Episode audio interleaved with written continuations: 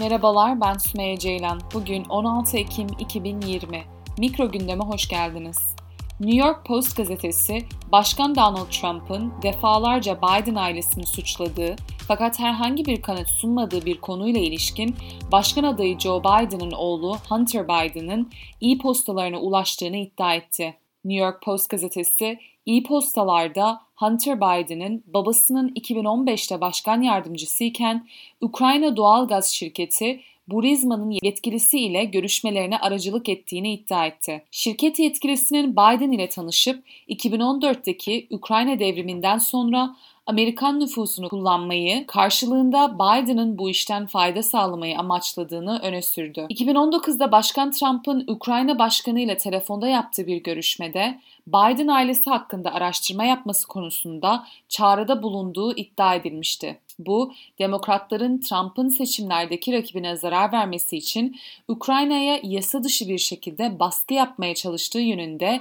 suçlamalar yapmalarına ve sonrasında Donald Trump hakkında azil soruşturmasına yol açmıştı. Trump, görevden azli istemiyle yargılandığı senatoda görülen davada beklendiği gibi beraat etmişti. Cumhuriyetçilerin çoğunlukta olduğu senatoda yapılan oylamada görevi suistimal suçlamasından 48'e karşı 52, kongrenin işleyişini engelleme suçlamasından ise 47'ye karşı 53 oy ile aklanmıştı. Trump daha önce Miami'deki bir seçim konuşmasında onlar Biden ailesi Rusya ile iş yaptı. Joe Biden'ın oğlu Moskova Belediye Başkanı'nın eşinden 3.5 milyon dolar aldı. Joe başkan yardımcılığına gelmeden önce hiçbir şeyi yoktu ifadesini kullanmıştı. Bu internette patlama etkisi yaratan büyük bir olay diyen Trump, ana akım medyasının bu konuda bir şeyler yapması gerektiği sözlerini de eklemişti.